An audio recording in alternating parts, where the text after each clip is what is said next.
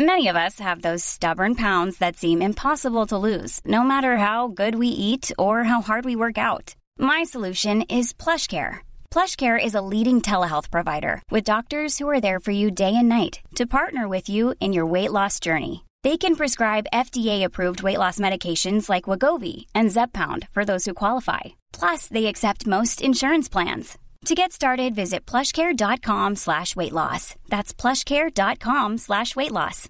One size fits all seems like a good idea for clothes until you try them on. Same goes for healthcare. That's why United Healthcare offers flexible, budget friendly coverage for medical, vision, dental, and more. Learn more at uh1.com.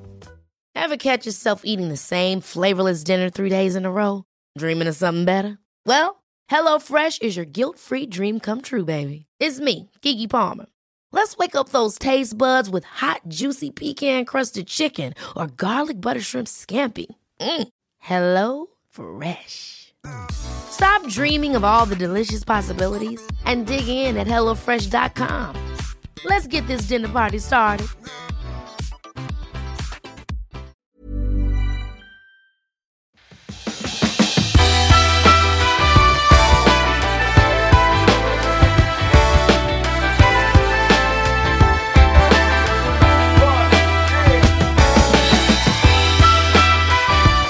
Hej och välkommen till Klimakteriepodden och avsnitt 53 med mig, Åsa Melin.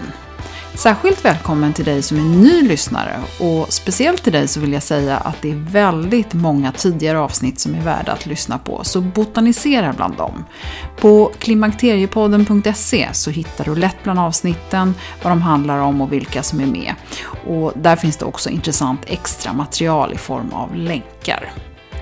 På Klimakteriepoddens Facebook-sida så hittar du också den här informationen. Och där får du jättegärna följa Klimakteriepodden och likadant på Instagram. I det här avsnittet så ska vi få veta vad funktionsmedicin är och hur det fungerar och varför det kan vara ett komplement till den traditionella vården för oss klimakteriekvinnor.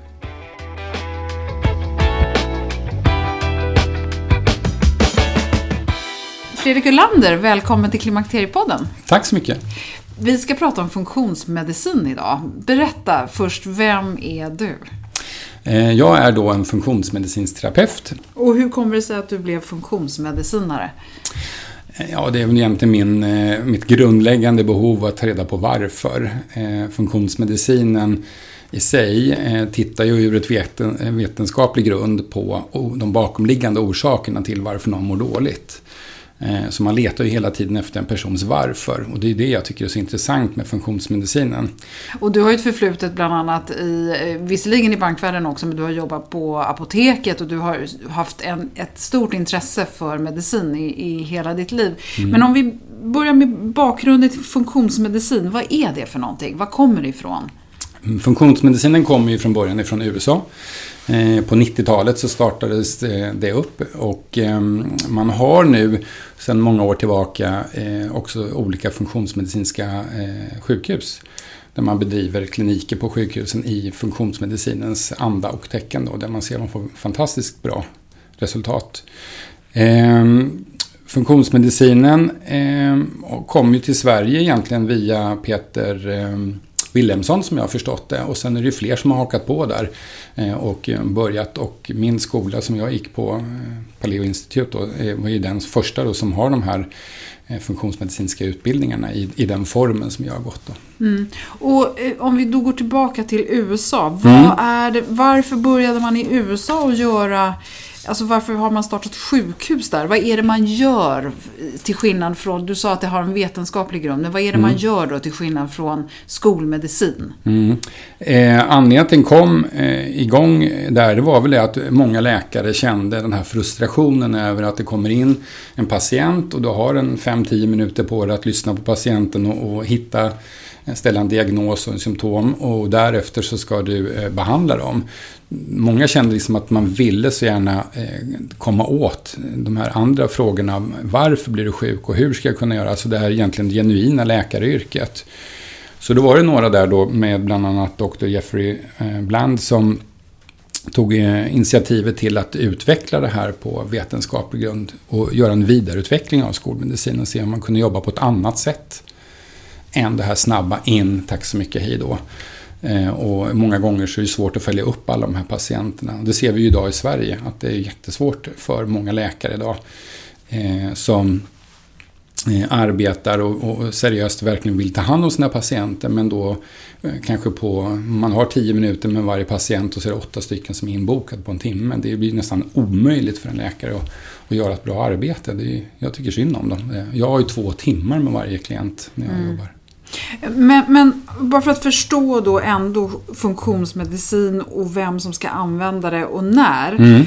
Den som då är funktionsmedicinare i USA på de här sjukhusen så var det uppenbarligen vanliga läkare som också gjorde någonting mer. Mm. Men det som du har utbildat dig till och det som finns i Sverige är ju någonting annat. Ni är Precis. ju inte läkare, skolutbildade i botten, utan ni börjar ju en annan utbildning. Absolut. Eh, I USA har man ju funktionsmedicinska läkare, och sen har man funktionsmedicinska eh, practitioners, alltså de som hjälper. När läkarna har ställt och gjort sitt arbete så lämnar de över till oss då, funktionsmedicinska terapeuter. I Sverige så har vi en, kanske tre stycken funktionsmedicinska läkare idag.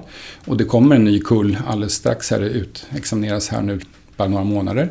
Eh, och sen finns det ju vi då den eh, första kullen då som var 24 stycken som utbildar terapeuter.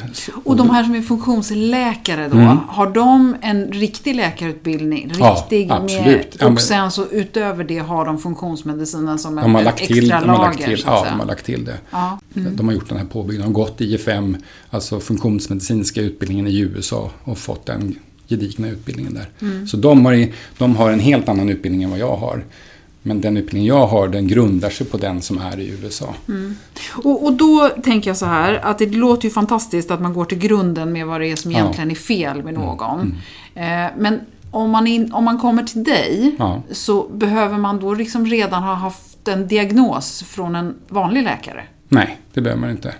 Eh, dels har jag de som kommer till mig som känner att någonting är fel. Eh, det är ingen som lyssnar på mig. Jag vet inte riktigt eh, vad jag ska göra. Eh, och då kommer de till mig och så sitter vi och så går vi igenom enligt funktionsmedicinska matrisen hur vi tittar på liksom, okej, okay, vad är det som är tokigt? Eh, när var det du mådde som bäst? Och så backar vi bandet och tittar och så får vi en slags tidslinje över hur Eh, man mår och hur man har levt sitt liv och där jag försöker se hela människan och alla de här bitarna som ingår i, i det funktionsmedicinska tänket. Som man ja, för vi kan väl ta de där fem olika benen då. Kost och mm. näring, träning och rörelse, sömn och avslappning, stress, motståndskraft, relationer och nätverk. Ja, stämmer jättebra. Ja. Mm. Eh, för då, då är det de som du fokuserar på och så benar mm. du ut det här. Och, ja, så... och då sitter vi och har en diskussion. Eh, så innan man kommer till mig får man då fylla i en, en enkät. Eh, och så gör man det hemma och, och sen skickar man in den. Så då är jag påläst innan min klient kommer. Så då behöver vi inte ta tid till det. Utan jag, har, jag känner dig lite grann redan innan du kommer. Och jag vet också, jag har ställt frågor. Vad vill du att jag ska hjälpa dig med? Och, och vad är dina förväntningar? Så att man liksom så. Och då har jag också läst på med mediciner om man äter sånt eventuella kosttillskott eller andra grejer. Så att jag liksom har den grunden så vi inte mm. börjar börja den. Sen så benar vi ut i en diskussion. Eh, och sen jobbar ju funktionsmedicinerna med eh, att vi tar ju väldigt mycket prover. Vi kan jobba med, vi kan ta blodprover, urinprover, avföringsprover, salivprover och utandningsprover. Beroende på vad man söker för och vad vi misstänker att det skulle kunna vara. Eh, och då samarbetar vi med olika företag, eh, vårdcentraler och eh, andra analysföretag, så skickar vi iväg det till laboratorier. Den stora skillnaden mellan våra analyser och kanske vårdens analyser, det är väl det att om du tar ett blodprov, kommer till mig, och vi, tar ett avföringsprov till exempel, så kommer man till mig. Då frågar ju jag, när vi skickar in det till laboratoriet, vad finns i detta prov? Och svaret blir ju, ja det finns de här grejerna. Då får jag liksom kanske inte 100% allt, men väldigt en hel lista på vad, som, vad det kan innehålla. Medan när du går till doktorn så vet ju läkaren att de här besvären skulle kunna uppstå med de här fyra bakterierna. Och då frågar man, finns de här fyra bakterierna i det här avföringsprovet? Och så svarar de, nej det gör de inte. Och då drar man slutsatsen, nej det är inga problem.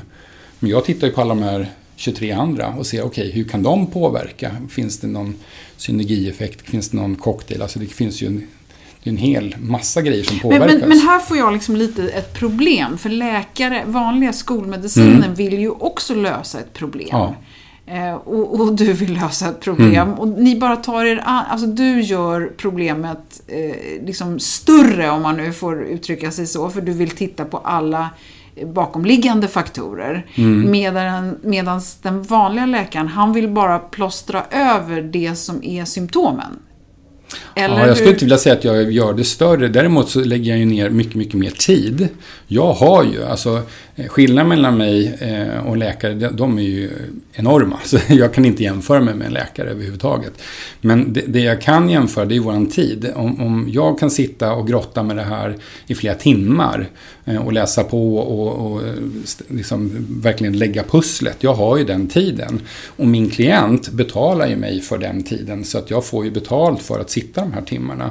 Medan en läkare går ju innan inom hela vår socialförsäkring och alltihopa. Jag är ju inte knuten till Försäkringskassan. Sånt, så att du kan inte komma till mig och betala typ 200 kronor och så hjälper jag dig. Det, det, det funkar inte så. Nej. Och, och det var, är en väldigt varför, stor skillnad. Varför kan inte ni få vara i den vanliga vården då? Det låter väl helt fantastiskt? Ja, underbart om våra politiker kunde eh, ta upp en sån grej. Eh, vi, vi är några stycken, eh, ganska många, som vill att vi ska folkomrösta eh, om det här med eh, komplementärmedicinen, hur vi kan samarbeta med den traditionella vården och avlasta vården och där individen själv går först till läkare och, och får sin, eh, sin hjälp där.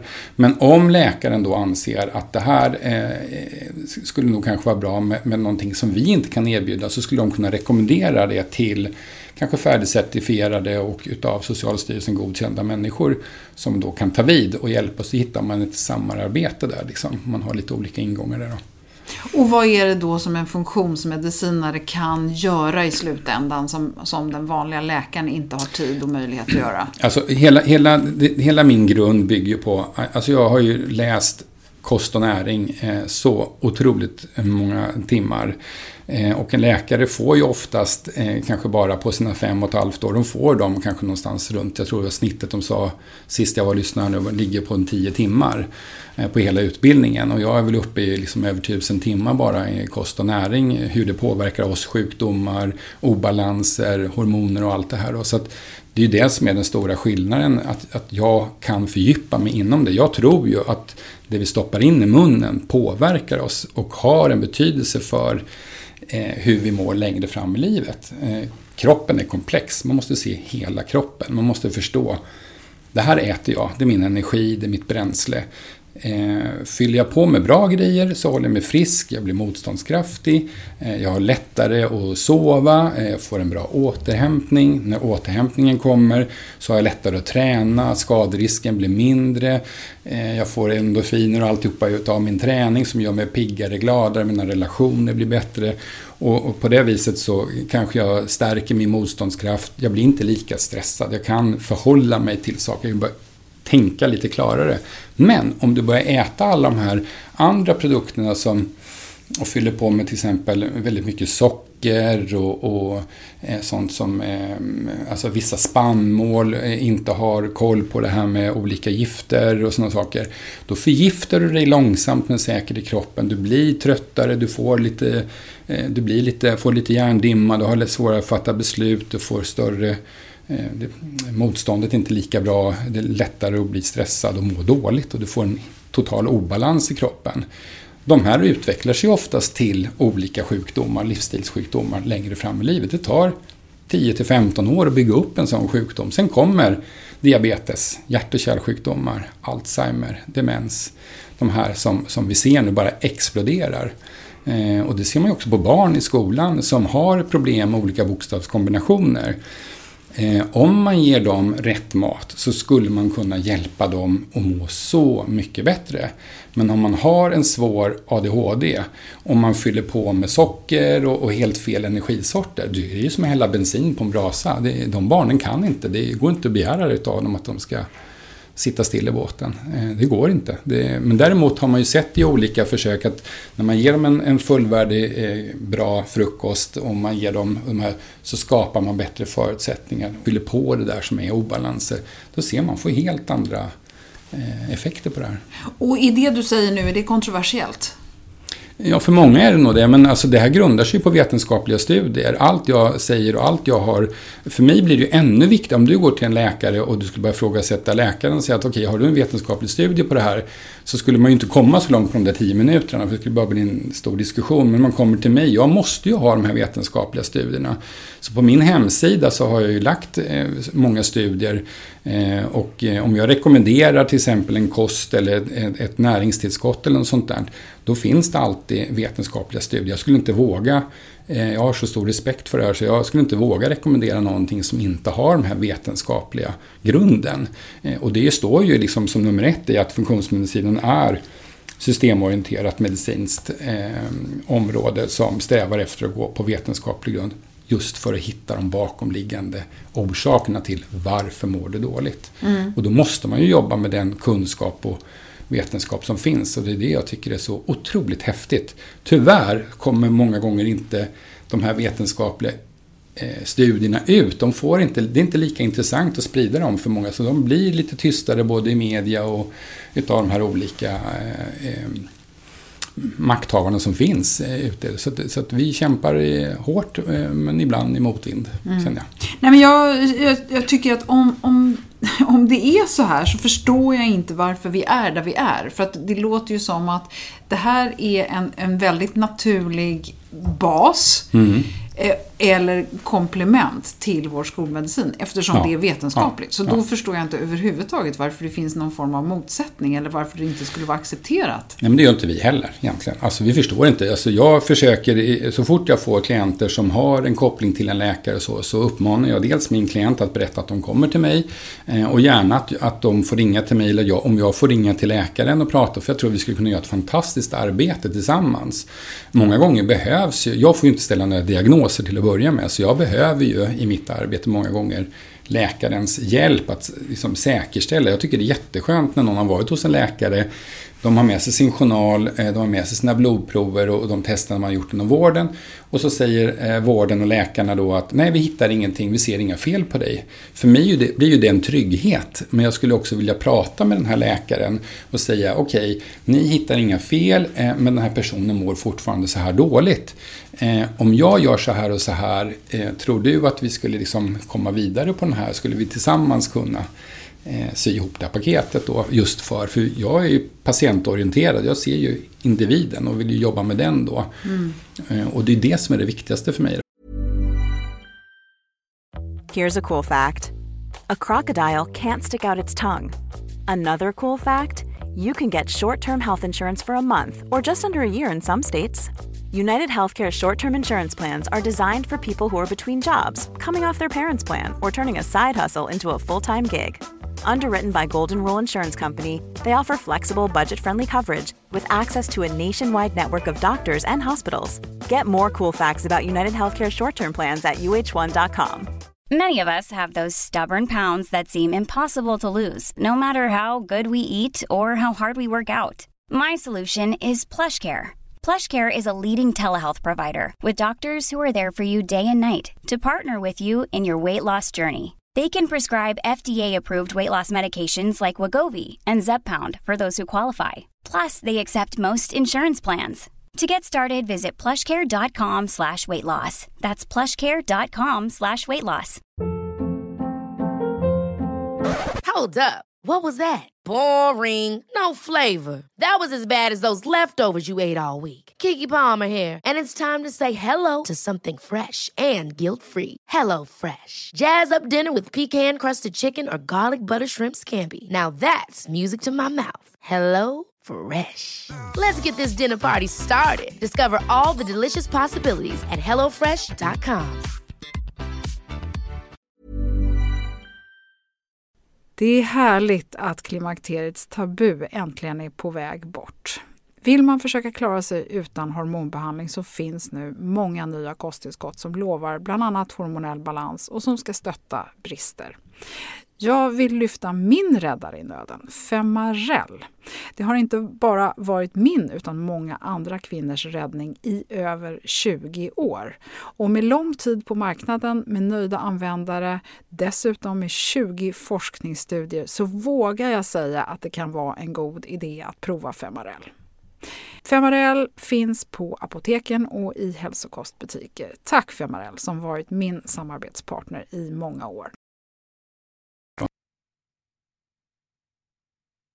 Vi ska gå in lite på det här med kvinnan i övergångsåldern. Mm. Eh, för att det, för det första så är ju inte klimakteriebesvär, det är ju ingen, det är ingen sjukdom. Nej. Eller klimakteriet är ingen sjukdom. Nej, det är en naturlig eh, del av livet. ja, precis. Och då är det ju väldigt många kvinnor som dock får otroligt mycket besvär och det finns många som inte upplever att de får några besvär alls. Och så finns det de som liksom på något sätt förnekar att det de känner och upplever har med klimakteriet att göra. Och jag tänker så här nu väldigt mycket på den här kvinnan eh, mellan 40 och 50 som liksom in, där det inte har klickat in att man mm. är i klimakteriet mm. eller att det är en övergångsfas mm. som har börjat. Mm.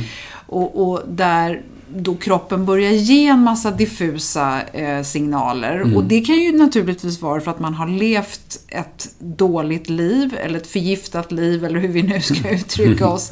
Eh, allt för stillasittande, kanske dålig mat och dålig sömn och dålig återhämtning och alla möjliga olika saker tidigare. Men eh, oavsett hur de här klimakterie besvären ter sig så, så vet vi ju att, att uh, ungefär 75% av alla kvinnor som går igenom klimakteriet upplever att de påverkas av. Mm. Och, och, berätta, om man nu kommer till dig och säger så här, ja men jag mår bara inte bra, om man mm. är 45 år till exempel. Nej. Och då tänker jag så här, eh, den här kvinnan som kommer till mig 40-45 år någonstans, eh, hur, om vi börjar i den änden, hur ser hennes liv ut? Eh, hon är mitt i livet någonstans. Hon ska göra karriär. Hon, eh, oftast ligger det ju tyvärr fortfarande på kvinnan att eh, fixa familjen, få ordning på ungarna, laga maten, städa, tvätta och alltihopa. Det, eh, även om jag inte skulle vilja erkänna det så är det ju så att många kvinnor tar ett enormt ansvar utöver sitt traditionella jobb så åker de ju på hela hemmet. Och när man är i den här åldern, lite beroende på eh, när man fick barn såklart, för det blir ju senare och senare i livet. Men om man är, tänker också att många kvinnor här eh, lever i den här åldern precis där barnen kanske kliver in i tonåren. Tonåren blir ju rätt tufft, det blir sena kvällar, man är orolig, man ska eh, guida dem, man ska leda dem, man ska sitta där eh, som jag. Jag sitter uppe på kvällarna och väntar tills min kära son kommer hem för att jag vill vara till hands om någonting händer. Eh, och det gör ju också att min sömn och min tid blir blir kortare. Och tänker jag då, hade jag varit kvinna och, och suttit med alla de här andra grejerna jag ska sköta. Så där bara blir ju stressen, återhämtningen, sömnen blir ju direkt påverkad. Och då får vi direkt en obalans hos den här kvinnan. Sen är hon själv då på väg in i en ny fas i sitt liv. Eh, och där är ju så viktigt då för att kroppen har ju börjat lite sakta då kanske montera ner olika delar i kroppen för henne. Så att hon får mindre av det som har stöttat och hjälpt henne tidigare, till exempel östrogen som, som har en väldigt bra funktion med att, att stötta insulinet och, och minska det, liksom, och man, eh, inflammation och alltihopa. Då. Och så plötsligt blir det mindre av det här, ja, då skapar vi kanske plötsligt lite inflammation i kroppen. Man börjar må dåligt, man har dålig återhämtning redan, eh, man känner att man hinner liksom inte riktigt med. Jag har ju hört talas om det är de som kommer till mig och säger att de ska bara akutsova lite. Liksom, för att de är så superstressade. Och den här stressen triggar ju oftast igång väldigt mycket saker i våran kropp. Kanske till och med i våra gener som ligger latent. Eh, så kanske man då med det här levandet då triggar igång de här generna som sin, i sin tur drar igång. Och då brukar man ju säga att ja men min mamma hade det så här, ja hur såg hennes liv ut då? Ja hon stressar ju genom hela livet jämt. Och nu går du in och gör precis likadant då triggar du igång och ni äter oftast, du uppfostrar med den här maten och den här näringen, nästan ingen träning eller alldeles för mycket träning. Alltså de här balanserna i livet. Och det är det som jag börjar titta och kartlägga från början. Liksom, hur ser det ut? Och, och när vi rättar till de här, eller medvetenhetsgör de här på ett bra sätt, då plötsligt så blir de här besvären mindre. De kanske inte försvinner helt, men de blir mindre. Och det är ju det som är det viktiga tycker jag, att se till hur kan vi göra det här så bra som möjligt. Har du rätt näring, har du rätt balans i kroppen så att dina eh, nu ritar jag med handen här i luften, men de här vågorna som går, de små vågor så att de bara blir krusningar egentligen, då upplever man inte som regel eh, att man mår så dåligt. Men när det blir berg och dalbanefunktioner liksom på det här, då mår man ju fruktansvärt dåligt. I funktionsmedicinen, vad, vad gör man då med hormonella obalanser? Ja, Om en eh, kvinna kommer med liksom klassiska eh, klimakteriebesvär, vad, Mm. gör, vad gör du då? Ja, för det första så, så, så, så går jag in och tittar på eh, hur livet ser ut, kartlägger det. Eh, maten, kosten, sömnen, träningen. Så vi får en bra koll på den. Sen eh, om vi då ska titta på om det är en hormonell obalans eller inte. Då eh, finns det ju eh, ganska enkelt, man kan ta ett enkelt blodprov. Eh, och så tittar man då på eh, hormoner i blod och ser hur långt det har kommit och var man befinner sig. Om man är i, i, i förklimakteriet eller om man är mitt i eller om man är på väg ur. Det beror ju lite på som sagt hur gammal man är. Men om vi säger många gånger är det svårt för en kvinna att veta, är jag i förklimakteriet eller har jag kommit in i klimakteriet? Och då kan man ju titta lite på symptom eh, och då brukar jag titta på de här symptomen före mens då, om det finns irritation, ångest, huvudvärk, om man känner sig uppsvälld, kanske om man har ömma bröst, nattsvettningar. Liksom. Det kan ju vara en symptom på att man är på väg in, för så har det nog inte varit innan. När man då tidigare, vad vi kallar för att man har PMS då, i fas 2. Eh, för då, där ser det lite annorlunda ut då. Eh, Vad är, vad är den stora skillnaden, förutom de här svettningarna? Ja, det är Om man tänker svett- PMS och Jag tycker det, det, det, det, det jag har upplevt eh, och som jag har förstått, det är ju de här att man känner sig uppsvälld, det har man inte gjort tidigare.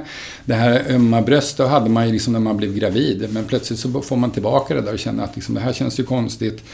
Ehm, och eh, många också eh, upplever de här nattsvettningarna som, som kan vara riktigt, riktigt jobbiga för för- för- Alltså behöva gå upp och byta lakan och alltihopa, det är ingen kul grej. Och det vet ju alla som har varit med om det. Så, att, så att det är väl egentligen de tre eh, sakerna som egentligen skiljer sig bara rent om man sitter och pratar om det då.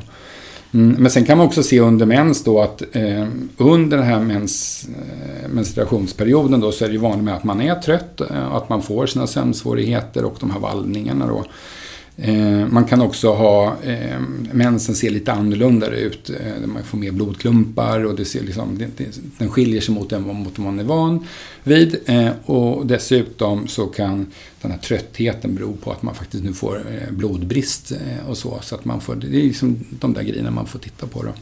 Och vad gör man åt det då som funktionsmedicinare? Jag har ett ganska bra eh, recept man liksom går in på maten och, och stärker upp med maten och i första hand ser till att man äter mer, kanske lever och sånt som innehåller järn och som man, man får en bra blandning, man ökar på med Eh, grönsaker framför allt, eh, man gör maten lite renare, försöker titta på, finns det, kan det finnas matallergier? Eller kan det till och med vara så att du har problem med magen, att du har stressat så pass mycket, du kanske har någon form av läckande tarm, försöka läka magen och så. Därför att det man vet idag det är ju att när magen är i obalans, vilket det är på väldigt många kvinnor i den här åldern, eh, och då har de fått många gånger kanske eh, diagnosen från läkaren att ja, det är IBS. Eh, och många gånger så, eh, IBS i all ära, så många Mm, säger kan ju förklara att det är då irriterad tarm. tarm, ja precis, så att man har den. Och, och, och då många gånger i vården när man inte riktigt vet varför någon har problem med magen, för man kanske inte har resurserna att lägga ner all den här tiden på, att, på varje individ och leta efter de här grejerna. Så säger man det i IBS och du, liksom, tänk på vad du äter och undvik lök och så tar man de här klassiska sakerna. Men eh, om man då kan gå in och titta på eventuella matallergier, man kan göra maten renare, för det är ju faktiskt så att mm, ju renare mat vi äter, och då med det menar jag alltså att du gör den själv eh, från grunden. Eh, att man tänker att allt jag stoppar i mig ska egentligen bara ha en ingrediens. Eh, liksom en köttbit, en fiskbit, en grönsaksbit. Eh, och liksom det stannar så. Man köper inte den här färdiglagade maten. Det ser jag också då att många har ju en låggradig inflammation i kroppen som ligger där och den ligger ju och förstör. Den förstärker de här hormonella obalanserna kan göra och, och även hur du mår som skapar en, en oreda. Så att jag tänker vi tar bort det som är dåligt för dig och vi stärker det som kan göra att det blir bättre. Den här inflammationen har vi pratat om många gånger nu, fram och tillbaka. Eh, och det är ju liksom typ det populäraste man kan prata om Mm. Vad menar du med låggradig inflammation? Det är ju så att när jag jobbar, eh, som jag sa, jag jobbar jag väldigt mycket med de här testerna. Eh, jag insåg ju ganska snart att de där testerna blir väldigt dyrt för mina klienter. Så att eh, jag sprang på någonting som heter wellness screening. Eh, som är då vetenskapligt baserad, 100% evidensbaserat. Och den går ut på att ehm, man kan gå in och titta på olika biomarkörer i kroppen.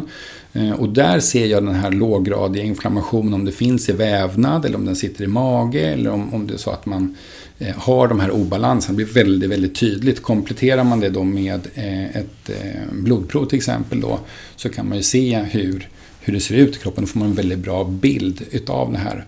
Maten läker och då kan man ge rätt råd den vägen. För då har man en vetenskaplig grund eller någonting som, som man kan vila på och så kan man börja sakta införa de här sakerna. och, och när det gäller till exempel närings näringstillskott, om man ser att det finns brister där.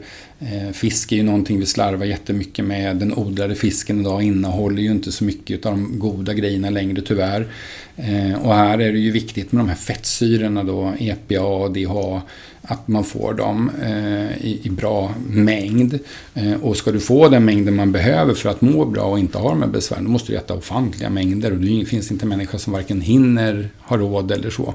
Och där kan ju då ett, ett riktigt bra eh, Eh, omega-3 eh, medrätt med rätt DHA och EPA balans eh, eh hjälpa dig oerhört bra. Och så för, kör man det under en period, screenar vi igen och tittar, tar nya prover, gör någon fettsyrabalans och så ser man liksom hur det står. Det är ju väldigt bra för inflammationerna.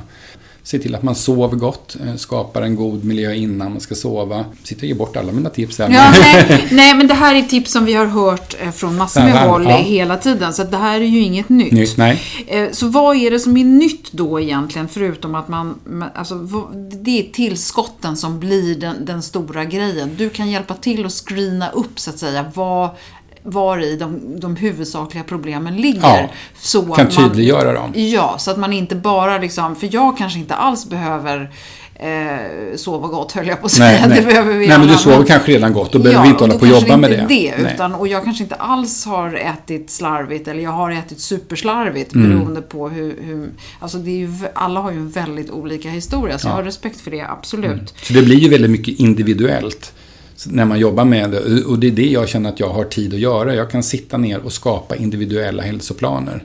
Hur lång tid kan man förvänta sig att det tar? Om man nu har en historia med lite misskötsel, eller mycket misskötsel till och med, och man kanske har matat på med mycket olika kosttillskott och man kanske har ätit både det ena och andra som du nämnde. Eh, hur lång tid kan man förvänta sig att det tar innan man så att säga är ren och är nollställd? Mm. Eh, och då är mitt jättetråkiga svar att det är så individuellt. Men om du gör som jag säger eh, och följer mina goda råd så efter redan åtta veckor så ser man stora skillnader. Mm. Och ska man bli helt ren så skulle jag nog säga att återigen väldigt individuellt men jag skulle kunna tänka mig ja, från tre månader till sex månader. Vill man så går det. Så det, det, det, är, det är det som är det positiva det här. Mm. Det är inte för sent, det är inte kört och det spelar ingen roll hur gammal du är eller hur du har haft. Det går att göra det bättre. Och, och sen är det ju så att hur fantastiskt man än sköter sig så mm. finns det ett antal kvinnor som fortfarande mår riktigt, ja. riktigt dåligt ja. i klimakteriet. Vad ska man göra då?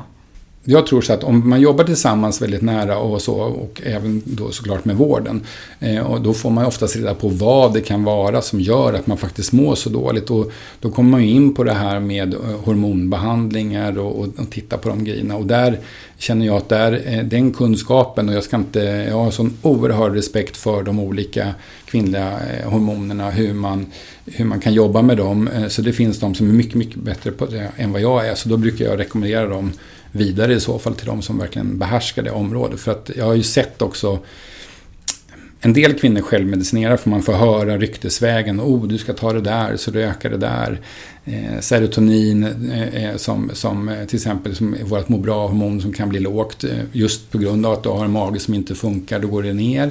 Eh, och då får de tipset att de ska ta kanske 5-HTP eller tryptofan eller lite så här. Och har man inte koll på de nivåerna och det man stoppar i sig, då kan du skapa oerhörda obalanser i kroppen. och jag har sett och har kvinnliga klienter som kommer till mig, man nästan får det blir väldigt komplicerat därför att då måste man nästan först avgifta ifrån den och försöka ställa återställa någon, någon, någon, balans i kroppen som gör att man hamnar, okej, okay, så, här är din så här mår du ursprungligt och härifrån tar vi nästa steg. Och då vill jag oftast, om det är nu hormonella obalanser som vi då har sett via ett blodprov till exempel, då vill jag ju samarbeta eller överlämna den kvinnan till någon eh, gynekolog eller eh, barnmorska eller läkare som kan de här grejerna. Man kanske blir väldigt sugen på att få hela den här grunddiagnostiken som mm. du pratar om. Mm. Vad, vad, vad kostar det att gå till en funktionsmedicinare? Eh, det beror lite på. Jag vet att eh, om du går till, om vi tar en funktionsmedicinsk läkare. Mm, tester och prover och, och, och första besöket så hamnar det runt kanske en 10-15 tusen eh, kronor då som du måste oh, ta. Herregud. Ja, och då är det innan, alltså det är bara för att kartlägga hur du mår. De, de, har väldigt långa köer, det är det som är tyvärret. Mm. Att, att det är väldigt lång väntetid hos dem. Eh, skulle man komma till mig eller till någon av mina kollegor då varierar det nog ganska mycket beroende på hur mycket erfarenhet du hunnit skaffa dig eh, och så. Eh, och kommer man till mig så ligger det väl kanske då runt 5000 kronor för ett besök med en, en kartläggning och en individuell hälsoplan. Så du får ju ganska mycket för de där 5 000 kronorna. Även om jag har respekt för att 5 000 kan vara alldeles för mycket pengar för väldigt många då. Mm. Också spännande att höra den här med, med möjligheten att det kanske i framtiden kan bli en, ett samarbete mellan vården mm.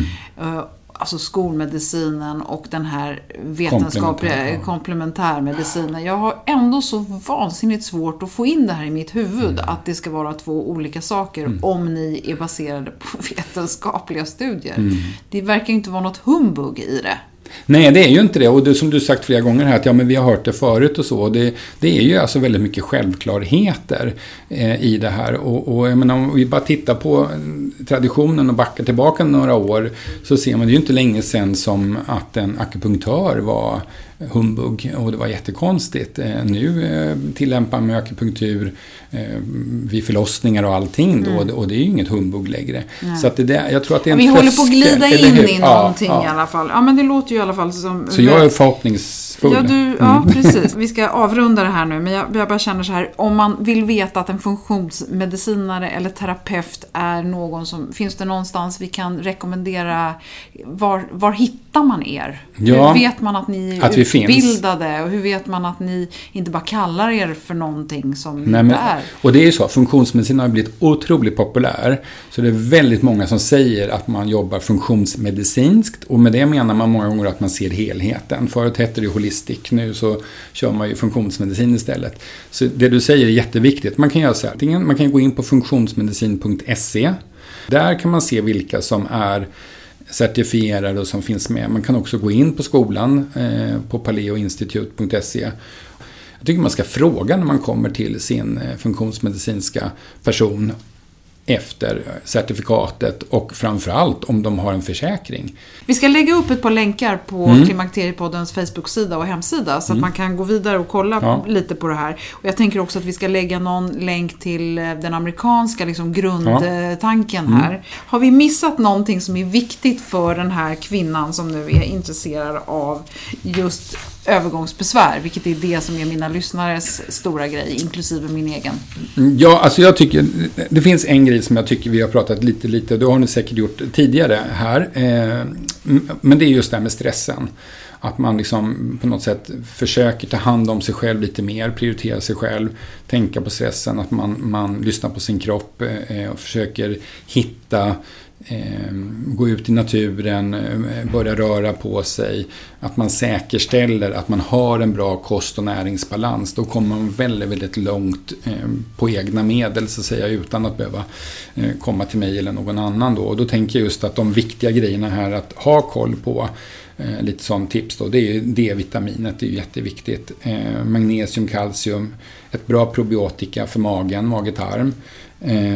Ett riktigt bra omega Eh, B12 är det många som behöver. Och äter man B12 så är min rekommendation att man också ser till att man har ett bra B-komplex. Så man lägger en bra grund för alla B-vitaminer.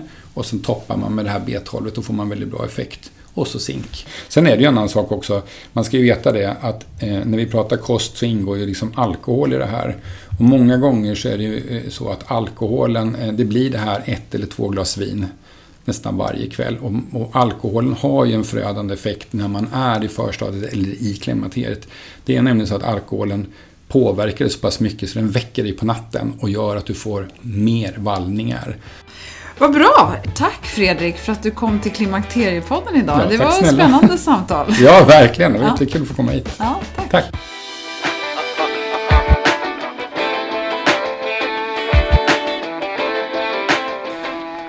Det här blev ett långt avsnitt men ändå så tycker jag inte allt blev sagt. Så kika jättegärna in på klimakteriepodden.se eller Facebook-sidan där det ligger ett antal länkar med mer information. Både som Fredrik har rekommenderat och som jag själv har hittat. Fredrik har dessutom gett några speciella tips till oss. I nästa avsnitt så ska du få träffa tre lyssnare som har tre olika bakgrunder. Tre olika klimakterieberättelser och tre olika typer av erfarenheter. Så missa inte det. Jag är jätteglad för att du har lyssnat så här långt och hoppas att du är med snart igen. Hej då!